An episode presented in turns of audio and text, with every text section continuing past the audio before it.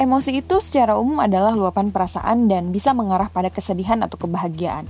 Tentunya yang diharapkan adalah output terbaik dari emosi ini, karena bisa menambah semangat beraktivitas. Tapi pernahkah mendengar menu makan pelangi atau rainbow menu untuk mengaktifkan mood-mood baik?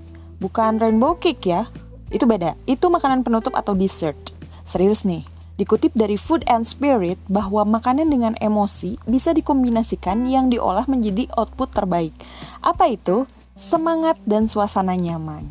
Jadi ada praktisi kesehatan dan spiritual dari Food Spirit membuat konsep bahan makanan yang mewakili warna pelangi. Tahu ya warna pelangi? Umum kok itu Mejiku Hibiniu.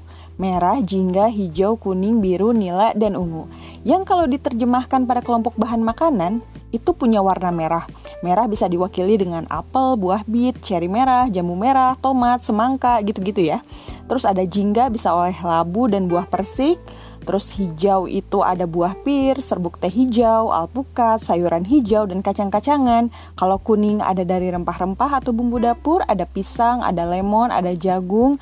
Kemudian kalau biru ada dengan warna-warna bunga yang dimakan ya, atau edible flower. Itu salah satunya ada bunga telang tuh kalau di Indonesia itu banyak banget ya.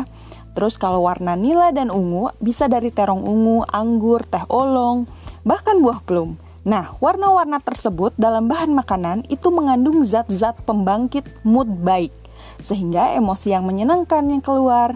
Karena di dalam bahan makanan kelompok Meiji Hibiniu tersebut ada zat gizi yang disebut triptofan, di mana zat tersebut mampu mengatasi depresi, insomnia, dan kecemasan. Gimana perasaan hari ini?